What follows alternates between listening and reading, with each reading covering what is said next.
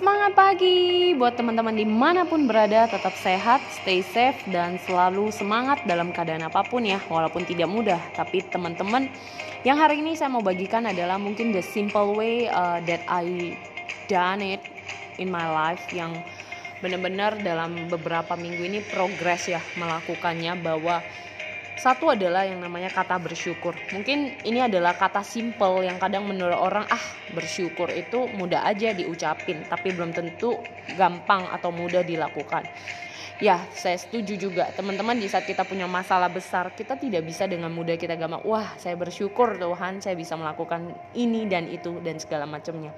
Namun teman-teman Sebenarnya kadang apa yang kita khawatirkan belum tentu semuanya terjadi seperti nyatanya. Jadi di sini maksudnya adalah belajar. Belajar bahwa dalam kehidupan itu perlu namanya bersyukur. Karena apa? Di saat kita belajar bersyukur, percayalah ada proses demi proses, ada keadaan-keadaan yang harusnya tadinya kelihatan negatif malah berubah menjadi positif.